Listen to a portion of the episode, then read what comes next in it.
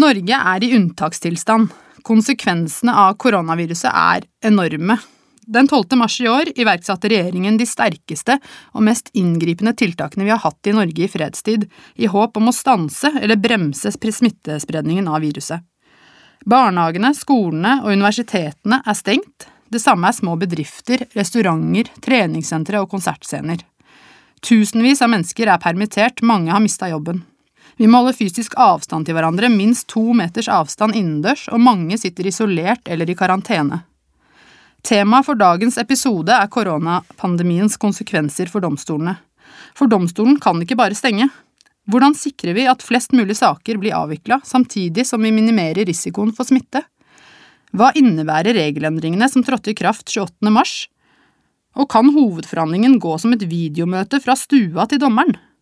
Dette og mer om pandemiens betydning for dommerhverdagen skal vi snakke mer om i dagens episode av Dommerpodden.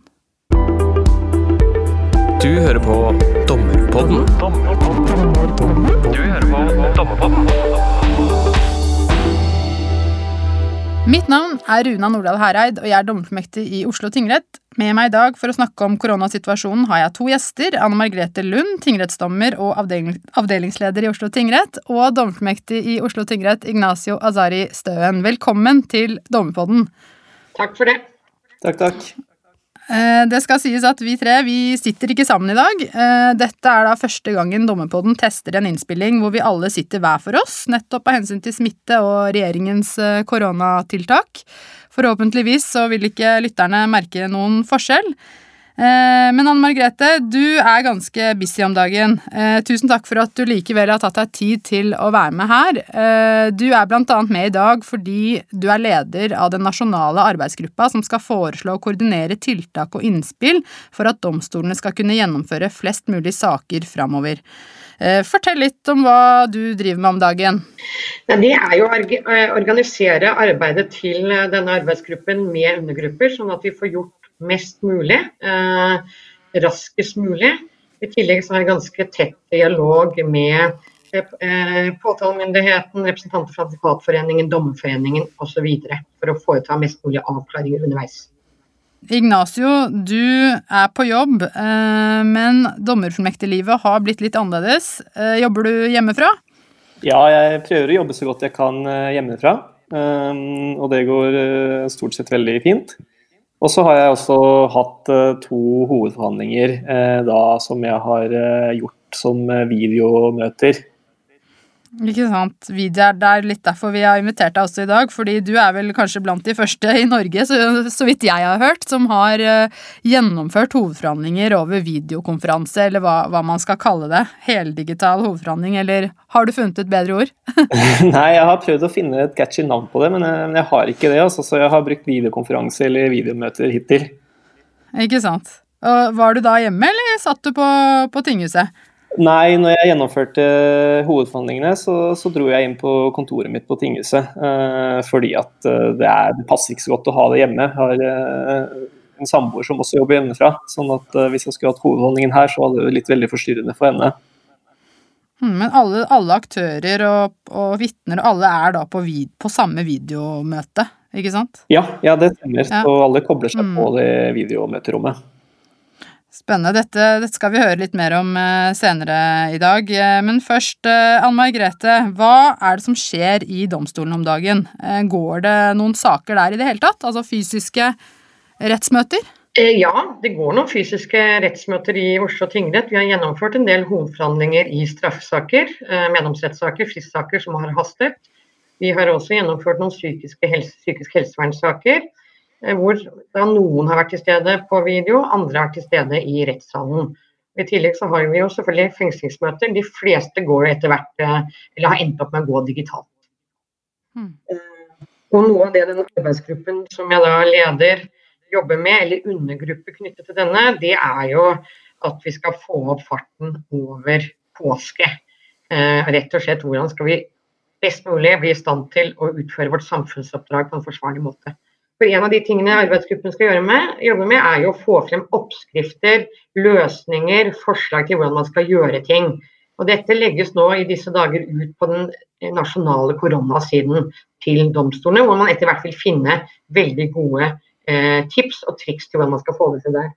Og I tillegg så jobber vi mye med regelverk. Eh, vi er nødt til å gjøre en del med regelverket. Eh, store problemer med å avvikle f.eks. straffesaker eh, i, lagmannsrettene med syv dommere til stede med det smittevernregimet vi har nå.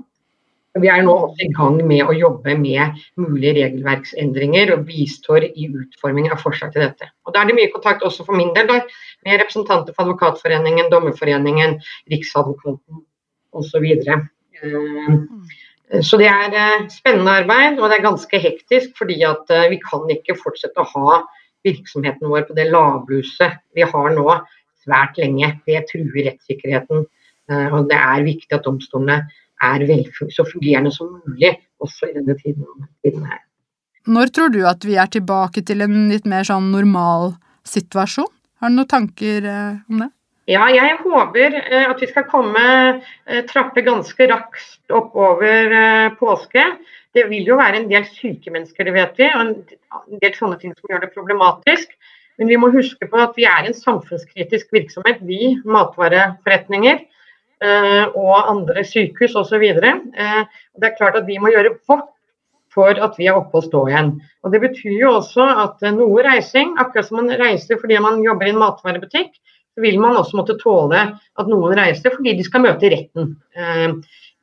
Men alt skal skje så risikofritt som mye mulig. Og Det er jo det vi nå jobber. Vi har hatt en befaring rundt i Oslo tingrett i dag med smittevernmyndighetene som ga oss veldig mange gode råd og innspill på hvordan vi kan gjennomføre rettsmøtene best mulig. Faktisk med noen aktører til stede i en del saler.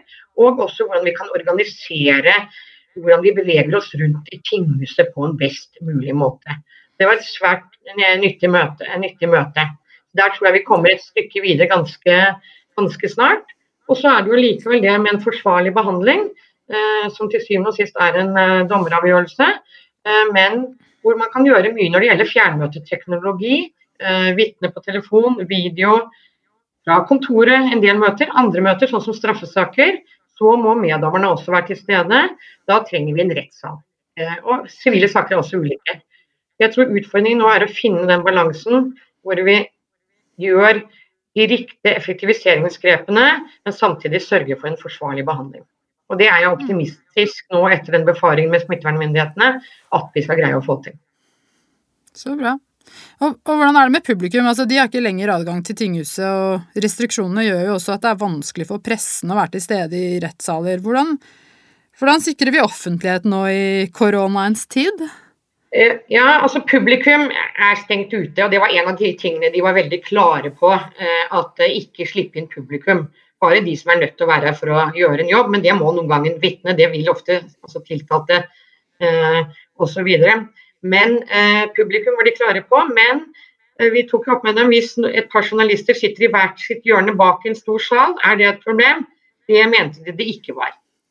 Så mm. Det viktigste nå er å få analysert rettssalene våre, fasilitetene våre, og sørge for at vi setter opp ting på en mest mulig eh, risikofri måte. Så tror jeg også at vi vil kunne ha eh, journalister eh, til stede i tinghuset, selv om i begrenset utstrekning.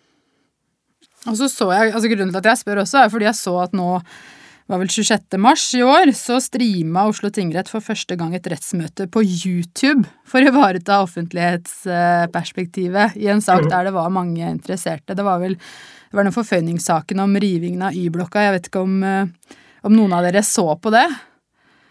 Men det, det er blitt fortalt, i hvert fall, var at det var 5000 stykker som var innom og så på det på YouTube da det ble streama, og 350 stykker som så på samtidig. Så det er jo, det er jo ganske, ganske, mange. Det hadde ikke vært plass til, til de i rettssalen, for å si det sånn. Er, det, er dette fremtiden? Er dette veien å gå, kanskje?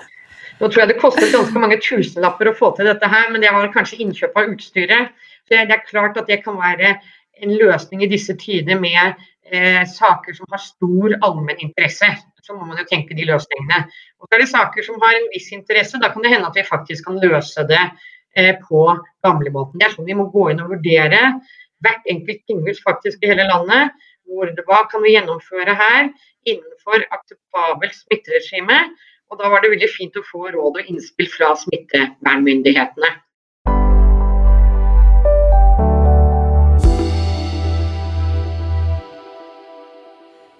I disse dager har det naturlig nok blitt aktuelt å se nærmere på hvilke alternativer vi har til det fysiske rettsmøtet.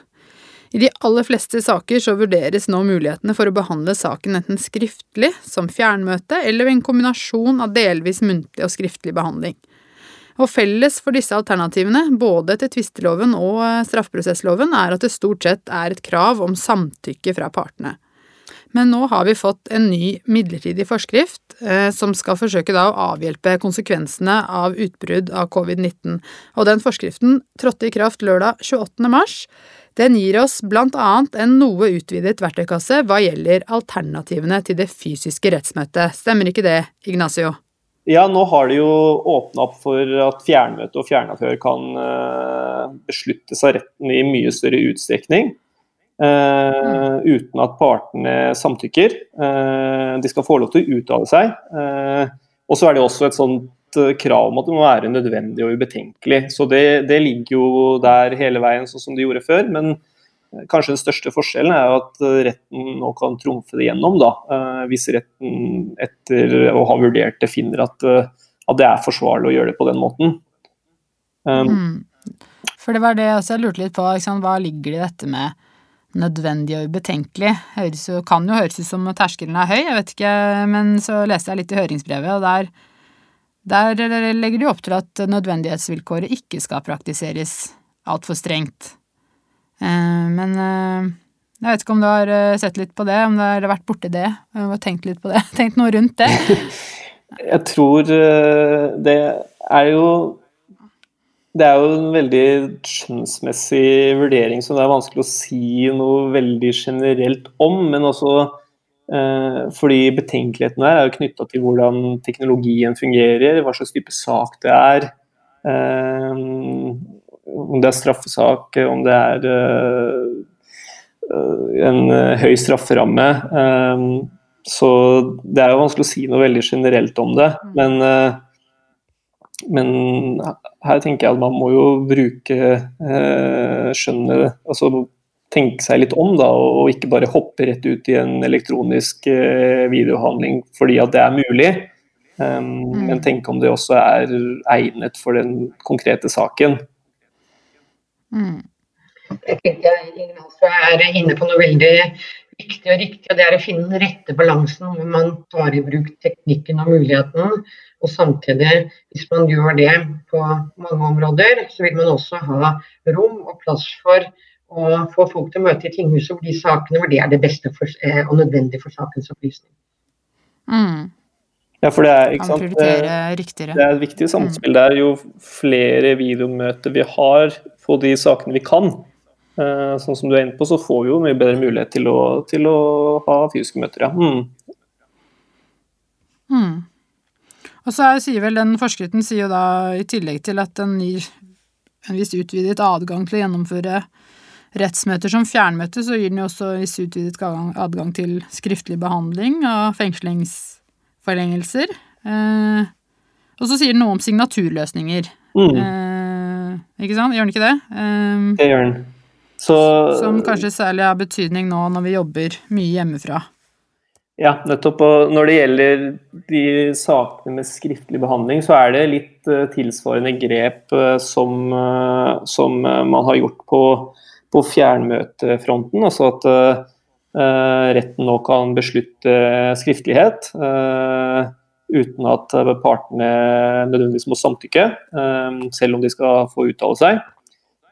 Men der er det også et krav om, om at det er forsvarlig å gjøre det. Og så er det også lagt opp til at skriftlig behandling skal være noe man gjør hvis fjernmøte ikke lar seg gjøre. Så det skal være kan du si, det kommer i andre rekke. Um, og så er det ikke alle sakstypene uh, man kan gjøre på. Det, det er fengslingsforlengelse, besøksforbud i eget hjem og sak om førerkortbeslag. Så det er begrenset til noen få sakstyper, som, som er uh, de som kanskje også egner seg best for den, den skriftlige behandlingen. Kan man ha besøksforbud uh, i eget hjem skrift, som skriftlig behandling? Ikke uten partenes samtykke. Nei, ja, ikke sant. Nettopp. Mm. Ja. Mm. Og det kan ikke retten trumfe igjennom. Nei, det var det jeg mente. Ja, ikke sant. Eh, og hvordan er, det med, hvordan er de sign signaturløsningene som nå kommer? Um, jo, der er det Altså, det er lagt opp til to løsninger, egentlig. Den første er en uh, signaturløsning i regi av Domstoladministrasjonen. Som uh, det Sånn som jeg har skjønt det, så er det en slags sånn at man logger seg inn med bank-ID-en, sånn som man gjør i banken, og signerer på den måten. Hmm. og kan bruke det, men, men den, har ikke, den løsningen er ikke ferdig utviklet. Og jeg vet ikke når den kommer til å bli utviklet, så, så den er mer at man har den på plass i tilfelle Domstoladministrasjonen skulle greie å, å utvikle ferdig den løsningen. Eh, men det, Mm. den andre løsningen de foreslår, det er det at eh, dommeren da kan eh, skrive ut eh, slutningen på dommen hjemme. Eh, og så undertegne den, og sende da et bilde eller en, eh, en, eh, et kopi av eh, slutningen med underskriften til eh, registrering i Louisa. Og da vil det være eh, signaturen, da. Eh, De jobber nå på spreng for å få på plass et alternativ etter det første alternativet via Difi. De kjører noen sikkerhetsklareringer der for å se om det er sikkert nok. Men håpet er at man skal få noe, en bedre eh, løsning på plass enn den man er nødt til å bruke nå midlertidig. Ganske snart. Mm, det har jeg hørt også, at det kommer snart, at det jobbes med å finne løsninger for det. Eh, men tilbake til det alternativet vi har nå, som du nevnte, Ignacio. da, er det også sånn at hvis man, ikke har printer hjemme, så kan man faktisk bare skrive, som jeg har forstått det, skrive for hånd. Ja, det er Eh, også, siste siden. det er sånn Ja, jeg har skjønt det. At man kan skrive slutningen for hånd, og så eh, sende da bilde eller kopi av, av det eh, på samme måte som jeg ville gjort med en utskrift. Så det har jeg Mm. faktisk eh, gjort eh, allerede. Ikke sant. Og hvis retten settes med flere medlemmer, så åpner også denne forskriften for at eh, det er tilstrekkelig at rettens leder undertegner avgjørelsen, hvis han eller hun da samtidig bekrefter skriftlig at rettens øvrige medlemmer har godkjent innholdet i avgjørelsen. Er det ikke så vidt jeg Det var sånn jeg leste ja, ja, når det er flere meddommere eller flere dommere, så Mm. er det litt mer innviklet. Men, men der har man også to alternativer. Um, Mm. Og den første er jo i overensstemmelse med det som, som du sier, det at man eh, Rettens leder kan eh, da eh, undertegne slutningen på samme måte som, som, jeg nettopp nevnte. Og så kan man i, tillegg innhente godkjennelse fra de andre dommerne om at de godkjenner avgjørelsen. Og da i samme dokument bekrefte eh, at de øvrige dommerne har godkjent avgjørelsen, og undertegne den eh, før, han, eh, før han sender den til registrering. Mm. Men et annet alternativ er da at dommeren og de andre meddommerne hver for seg bruker den, den fremgangsmåten hvor man skriver under på slutningen og sender den inn til registrering. Eh, og Da må man bare huske på at det er rettens leder som skal, som skal skrive under helt til slutt. Det er veldig bra at vi har fått på plass et regelverk med sikte på å avhjelpe konsekvensene av koronapandemien, men mange dommere sitter kanskje og gruer seg til de skal gjennomføre sin første hovedforhandling på video, kanskje hjemmefra. Eh, Dette er det sikkert også mange advokater og parter som er skeptiske til. Altså, hvordan fungerer dette egentlig i praksis? Ignacio, du som har gjort dette før, eh, faktisk to ganger, også før disse regelendringene. Altså, hvordan hvordan går man fram for å gjennomføre et slikt eh, videorettsmøte? Altså, kan ikke du dele litt dine, fra dine erfaringer? Eh, jo, det kan jeg gjøre. Og eh, kan du si Tanken her er at man eh, har et eh, videomøterom som de forskjellige aktørene kobler seg på, og så gjennomfører man hovedforhandlingen der.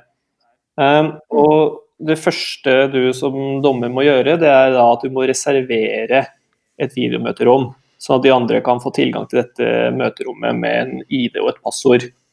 Eh, og for å kunne gjøre det, så må du ha en eh, bruker hos Athea, som er leverandøren av den tjenesten. Um, og for å lage bruker, så må du gå inn på Athea sine sider, eh, og da er, eh, så er det laget en veileder eh, om, om hvordan du går frem for å, for å registrere deg der. Men kort Mm. fortalt så blir du bedt om å opprette en bruker hos Athea, så blir du bedt om å registrere noen kontaktdetaljer. Og så er du en Athea-bruker, og da har du muligheten til å reservere videomøterom. Mm. Så etter at du har blitt Athea-bruker, så, så, kan du gå inn på en, en, en, side, en egen side hos Athea, hvor du da kan uh, holde av møterom. Uh, og denne siden får du også tilgang til, eller du får adressen i den veilederen som er laget. Um, Men dette du sier nå, det er til dommerne? Dette til altså dommerne. til den som skal på en måte hoste dette møtet? Ja, nettopp. Eh, men det er, mange, det er jo advokater også som hører på denne poden her. Hvordan, hvordan, er det for dem? Eh, må de også ha bruker? Um, ja, eller nei, de må ikke ha noen bruker. Uh, fordi den brukeren den bruker dommeren bare for å reservere møterommet. Mm. Så, så, når dommeren har fått tak i den brukeren, så kan han gå inn på Athea sine sider Eh, og reservere møterommet til eh, et visst eller et gitt klokkeslett eh, en gitt dag. Og da, når dommeren gjør det, så vil dommeren få et sånt møteroms-ID og passord. Um, og da uh, kan dommeren sende møteroms-ID-en og passord til advokatene. Og de bruker da disse to kodene, eller uh, ja, disse to Eh, kodene for å, for å, koble seg på møterommet. Um, så, så, advokatene må ikke ha noe, noe spesiell eh, programvare eh, eller bruker. Det holder med, med, med ID og passord. Mm. Det går via nettside? Ja, det er litt forskjellige mm. måter de kan, de kan, koble seg på. Uh, avhengig av hva, hva, slags utstyr de har og, og hva de foretrekker. Eh, så her er det litt forskjellige muligheter, men, eh, og der er det også laget det er det vel, Ja, skulle til å si det. Det er det vel også laget en, en veileder om eh, til, til, brukerne? Ja, nettopp. Og, og, det samme gjelder for dommerne. Så det er laget en veileder med, med forskjellige tilkoblingsmåter. Og der kan man jo mm. finne frem til det man foretrekker og det man har utstyr til. Mm. Hva, hva, slags sak eh, Altså, jeg leste bare så vidt den første saken du hadde. Det var en sånn eh, utlendingssak. En uh, UNE-sak, var det ikke det? Ja, så Hvor det var både part- og vitneforklaringer og ja, begge, Hvordan ja, begge sakene har vært UNE-saker som, som gjaldt ja. da gyldigheten av vedtak om å nekte oppholdstillatelse for familieinnvandring, sånne så, såkalte omgåelsesekteskapssaker. Riktig. Um, og da, da, er det jo avhengig av at på vitner og parter, altså alle klarer å logge seg inn. Um, altså hvordan har det gått fint? Hvordan, uh, hvordan, har, det, har, du, hvordan har, du, klart å få, få alle med på dette? ja, altså i den første saken så skulle jo parten allerede Han, han uh, satt i Nord-Afrika, så han skulle allerede delta uh, via Skype. Mm. Men eh, så for han så var det kanskje ikke den store forskjellen i gjennomføringsmåten. Um, men, eh, men, ja, alle partene og vitnene kobla seg på videomøterommet ved hjelp av den ID-en og de passordene som man får når man har booka møterommet. Var advokatene med på dette fra starten, eller måtte, måtte du selge det inn til dem på en måte? Eventuelt hvordan, hvordan selger man din? um, ja, nei, altså Advokatene var egentlig uh, De var jo egentlig åpne for å prøve det. Um, det jeg tenkte var en god uh, strategi, da, istedenfor å kan du si, presse det gjennom, så tenkte jeg kanskje det var bedre å, uh, å gi dem trygghet på at løsningen kom til å fungere godt. Eh, mm. Så det jeg gjorde der, det var at jeg først brukte litt tid til å tenke på eh, hvordan i all verden skal det her få gå seg til. Eh, fordi at i saken min så hadde vi behov for tolk også. Det var en litt ekstra utfordring. og så, når jeg hadde planlagt det, så foreslo jeg for dem at vi skulle ha en sånn ja, kan du si test, hvor de da kunne se hvordan løsningen fungerte. Og hvis de da eh, var fornøyd, så, så, så, kunne vi fortsette. Og hvis ikke, så, så, måtte vi utsette. I og med at uh, det her var på tiden da det trengte Det var krav om samtykke fra advokatene. Mm. Men testen fungerte jo da åpenbart. Eh, hvordan klarte du dette med tolken? Det er jeg litt nysgjerrig på. Ja, nei, det, det var jeg også veldig spent på hvordan det kom til å fungere. Eh, men det er faktisk eh, noe av det som har fungert egentlig best. Eh, men det som er måten det, jeg har gjort det på, og det var jo et egentlig forslag fra, fra Espen her i Oslo tingrett, det var det at man har videomøterommet hvor alle sitter og deltar. Da både advokatene og parten og tolken. Og så må man i tillegg ha en direkte linje mellom tolken og eh, parten, da, eller personen som Det trenger, behøver ikke være parten, da, men personen som har behov for tolking. Eh, Mm. De må ha en direkte linje eh, som går utenom videomøterommet. Og det kan være litt forskjellig. altså Man kan f.eks. bruke telefon. Eh, Man kan bruke I den første saken så brukte vi en app som heter Viber, som ligner litt på WhatsApp, fordi at eh, det, var den, det var den appen som parten var vant til, og som han hadde på telefonen sin. Um, Mm. og så i den andre saken så, så brukte vi et, eh, et um, annet videomøterom i tillegg til videomøterommet hvor alle satt. Uh, og det fungerte også fint. Var det noen av de måtene som var bedre enn andre, eller var det hipp som happ? det Har spilt ingen rolle hvilken måte man, eh, man valgte? Altså, Nei, der så fungerte egentlig begge to like bra. Mm. Eh, For da får du sånn simultantolking Ja. eh, underveis, da, hele veien. Ja, du, eller eh, du får simultanoversettelse fra norsk. Så ikke sant, i det, da sitter jo f.eks. i videomøterommet, da, så, så har advokaten eh, innledningsordet på norsk. Eh, Mm. Så sitter jo tolken og hører det. Eh, Mm. Og så har, han, så har tolken da muta mikrofonen sin i det hovedrommet. Eh, og så sitter Mm. han og snakker inn i siderommet til, til parten. Eh, så da, da er det ikke noe problem å, å ha det simultant. Eh, men hvis eh, f.eks. når parten eller personen som, som snakker et annet språk skal forklare seg, så blir det litt vanskeligere å ha simultanoversettelse. Ja, det blir jo samme som eh, i, i et fysisk eh, rettsmøte, at de kommer ut av tolkeboksen, holdt jeg på å si, og står i salen.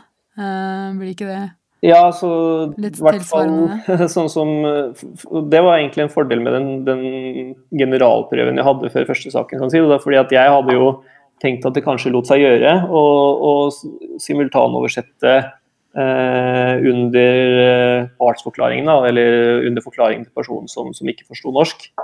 Eh, men eh, det var egentlig ikke så lett. Så da var løsningen vi gikk for at man, eh, man oversatte på, på Sånn at parten sa noe på, på det fremmede språket først, og så oversatte tolken, og så videre. Altså sånn konsekutiv oversettelse, som det heter. Ikke sant. Hvordan opplevde part, partene gjennomføringen? Altså, i de sakene du har hatt, advokatene, har du fått noen tilbakemeldinger på hvordan de opplevde å ha hovedforhandlingen på den måten? Ja, eh, jeg har eh, spurte litt om det for å høre hva de tenkte, og eh, tilbakemeldingene har vært gode. Det var, De første sa vel at de var Det fungerte overraskende bra. Så jeg vet ikke om det sier så mye om, om forventningene de hadde, eller, eller hvordan det fungerte. Men, men inntrykket er at, at de var fornøyd. Eh, Mm. Og så tolkingen, som da var det jeg kanskje var mest redd for, da. Eh, Det har eh, de sagt at fungerte bra. Mm. Hva, hva tenkte, tenker du da? Hva syns du var på en måte det som var mest annerledes, eller hvordan opplevde du eh, fordeler og ulemper med fjernmøtehovedforhandling? Eh, Um, nei, altså Ja. Det, det blir jo litt sånn hva du skal sammenligne det med, hvis du skjønner. da, fordi at eh, Mm. eh, altså Den største fordelen er jo at man overholder myndighetenes krav til eh, avstand på arbeidsplassen.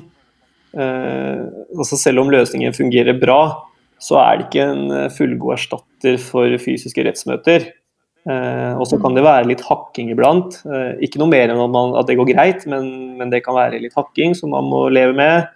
Eh, så eh, ja, det, det er litt annerledes. Eh, en annen ting er at det blir litt sånn mindre formell stemning. Og det kan jo være både positivt og negativt, litt avhengig av, av saken, settingen og, og hvem du spør. Eh, Så I mine saker så har jeg ikke brukt kappe, og da blir det litt mer uformelt. Og så blir det uformelt fordi at advokatene sitter i stua med hodetelefoner på, og alle ser jo litt sånn Man ser jo litt rar ut. Noen barn, noen barn i bakgrunnen? ja, ja nei, nei nesten.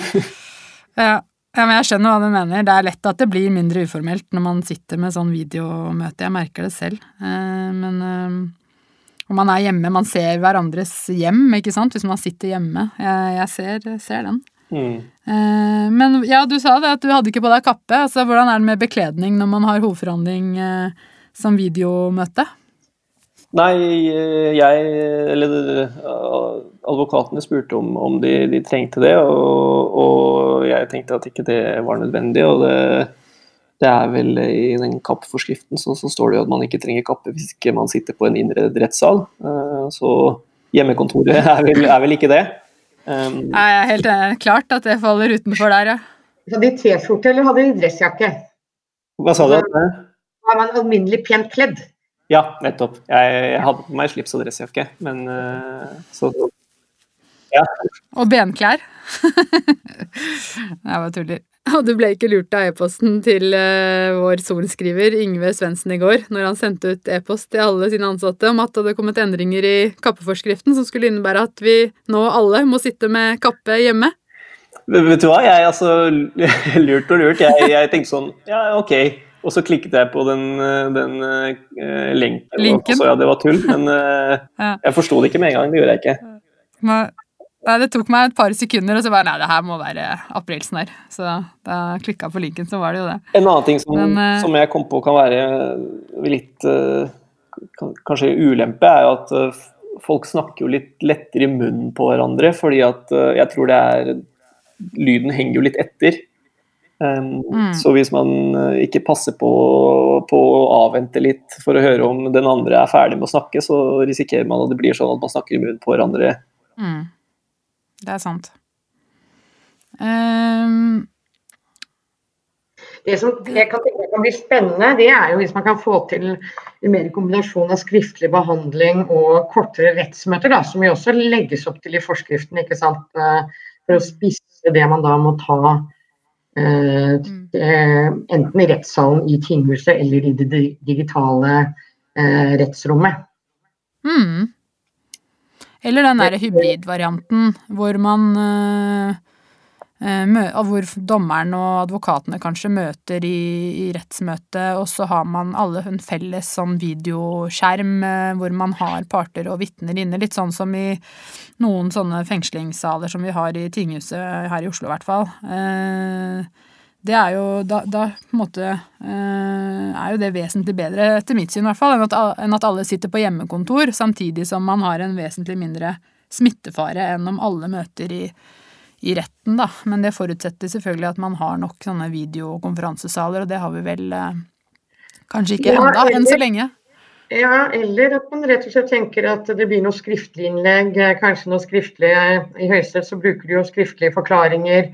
At det er løsninger mm. man kan kombinere eh, skriftlighet og muntlighet, sånn at vi eh, fokuserer muntligheten på der det er sentralt og viktig. Eh, mm. Ikke sant? At man bli flinkere til å finne gode balanser der, da. Absolutt. En, en, annen ting som jeg har tenkt litt på, en annen sak kan jo være at man kombinerer fjernmøte med fysiske møter. Eh, F.eks. hvis det er noen saker hvor, eh, hvor det, kanskje det er behov for å ha vitneførselen fysisk, da, så kan man likevel ha både innledningsforedrag og prosedyre som fjernmøter. Eh, og det kan også spare litt Eh, litt tid i rettssalen, da, sånn at den kan bli frigjort i andre saker. Eh, kan være en mulighet. Hmm, sant. Eh, hvordan opplevde du altså Ignacio, du hadde jo da sannsynligvis bevisvurdering du da i de sakene du har hatt, hvor du skal vurdere var det mest sannsynlig et omgåelsesekteskap eller ikke. Hvordan er det, hvordan syns du det påvirket bevisvurderingen, eh, eller på en måte å ha part, partsforklaring og vitnebevis på skjerm. Eh, opplevde du det som noen spesiell utfordring? Mm, altså, igjen da, så er det litt sånn Det er jo ikke helt det samme som å, som å sitte i en rettssal og, og ha vitne foran deg i vitneboksen. Men eh, bildet fungerte godt, og du, du, får se personen snakke. Eh, sånn at eh, eh Jeg syns jo egentlig ikke det var Altså, jeg, jeg syns det fungerte bra nok. Eh, det var aldri sånn at jeg følte at nå skulle jeg virkelig eh, ha sett personen i eh, fysisk, og at jeg, jeg gikk glipp av veldig mye eh, pga. at det var i et kamera. Men, eh, men selvfølgelig, det er, det er, jo bedre å, å ha det fysisk. Mm. Hvordan, altså det er kanskje ikke alle som er så komfortable som deg, Ignacio, med, med denne måten å gjennomføre sakene på. Altså, står vi i fare for å miste informasjon fordi vi må ha som vår fokus på at teknikk og, og at alt funker? Er det noen som har tenkt noe på det? jeg Altså Jeg tror at uh, for min del, da, når, når jeg har uh, hatt uh, disse sakene, så har jeg kanskje helt på begynnelsen av rettsmøtet så har jeg jo vært litt opptatt av at ting skal fungere. Og da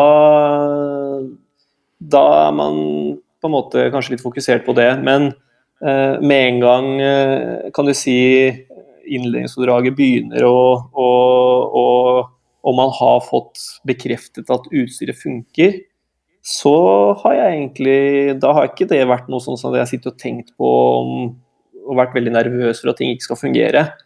Så, men, men jeg, jeg, skjønner jo det at det er uvant, og at uh, igjen da, at man er redd for å ikke få med seg ting pga. måten det blir gjennomført på.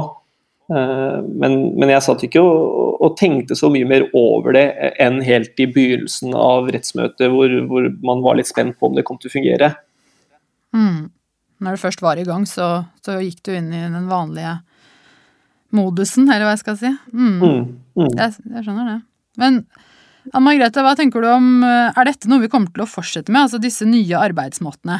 Blir det en del av hverdagen vår framover også etter, etter, at koronaens tid er forbi, for å si det sånn? Vi får jo håpe at vi får tatt med oss det beste da, av det vi gjør, nå gjør av tilpasning. Tilskjæring av saker, kanskje mer i skriftlige innlegg, fokusere på hva som er det viktige. Eh, mer eh, kanskje aktiv eh, saksfordelelse fordi man er avhengig av det for å få ting til i disse dager. Og vi mm. tar med oss det beste av det videre når situasjonen igjen blir normal. Og helt mm. Jo ikke antageligvis på ganske lenge, det tror jeg bare vi må være forberedt på. så Derfor er det viktig at vi både jobber med gode løsninger på fjernmøteavvikling, samhandling, skriftlig behandling, og også få lagt til rette for at de riktige deler av en sak, eller de riktige sakene, blir gjennomført i tinghuset. Mm. Og de, de, hjemlene som vi nå har fått, som kom med nå i helgen, er det noen planer om at de skal bli helt eller delvis eh, permanente? Ikke det, ikke det jeg kjenner til. Nå er det jo gift som forskrift. Eh, de er jo midlertidige. Men det kan jo hende at det kommer ting der som gjør at man tenker at dette, her fikk man mulighet for noen gode løsninger, og det ønsker vi å fortsette med. Men, eh, men det, jeg kjenner ikke til noen planer, planer, om det. Alt det man jobber mm. med nå, er midlertidige løsninger når de er på lovgiversiden. Og så er det noe annet da på den mer praktiske gjennomføringen, oppskrifter, eh, fjernmøter, som jo kanskje kan bli mer permanent eh, hvis det viser seg at dette er et godt supplement til den måten vi gjør ting i dag. Hmm. Og det har, jo, det har jo skjedd uh, utrolig mye veldig raskt. Altså det er mye man har fått til i denne tiden, syns jeg. Uh, altså nå har vi dommere som kanskje ikke engang hadde tilgang til hjemmekontor uh, før. Sitter nå og rettsmekler hjemmefra med ulike virtuelle møterom og som man går inn og ut av, ikke sant. Og vi har fått på plass en måte å signere på som mange, eller i hvert fall snart er på plass, som vi har venta på lenge. Altså det må jo være lov å si at kanskje det kommer noe godt ut av den ekstraordinære situasjonen som vi står i nå. Um, det skal helst komme noe godt ut av den, for mange andre negative konsekvenser. Ja, det hadde vært uh, fint, absolutt. Uh, Jeg tror vi setter strek der, jeg. Eh, Anne Margrethe og Ignacio, tusen takk for at dere tok dere tid til å være gjester i Dommerpodden. Og du der ute, takk for at du har hørt på Dommerpodden. Mitt navn det er som nevnt Runa Nordahl Hereid, og denne episoden er laget da i samarbeid med tingrettsdommerne Ola Berg Lande og Ragnar Lindefjell. Du har hørt på Dommepodden. Dommepodden er en podkast fra Norges domstoler og er først og fremst ment som et kompetansetiltak for dommere. Hvis du har ris, ros, forslag til temaer eller folk vi kan prate med, så er vi glad for å høre fra deg, og da kan vi nås på podkast at domstol.no. Ha en god dømmende hverdag så lenge. Vi høres.